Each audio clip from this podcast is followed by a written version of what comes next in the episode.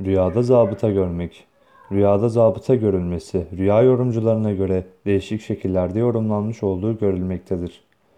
Rüyasında kendisinin zabıta yani belediye memuru olduğunu gören kimse bir musibete, keder ve eleme yani üzüntüye düşecektir.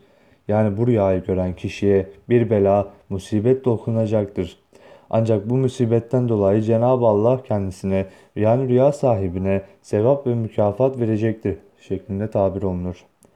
Bazı yorumculara göre rüyada herhangi bir zabıta yani belediye memuru görmek herkesin kurtuluşa ereceğini işaret ile tabir olmuştur. Çünkü zabıta memuru aslında genellikle halkın işlerini düzeltmeye çalışmaktadır. Bazı yorumcular da böyle yo- yorumlamışlardır.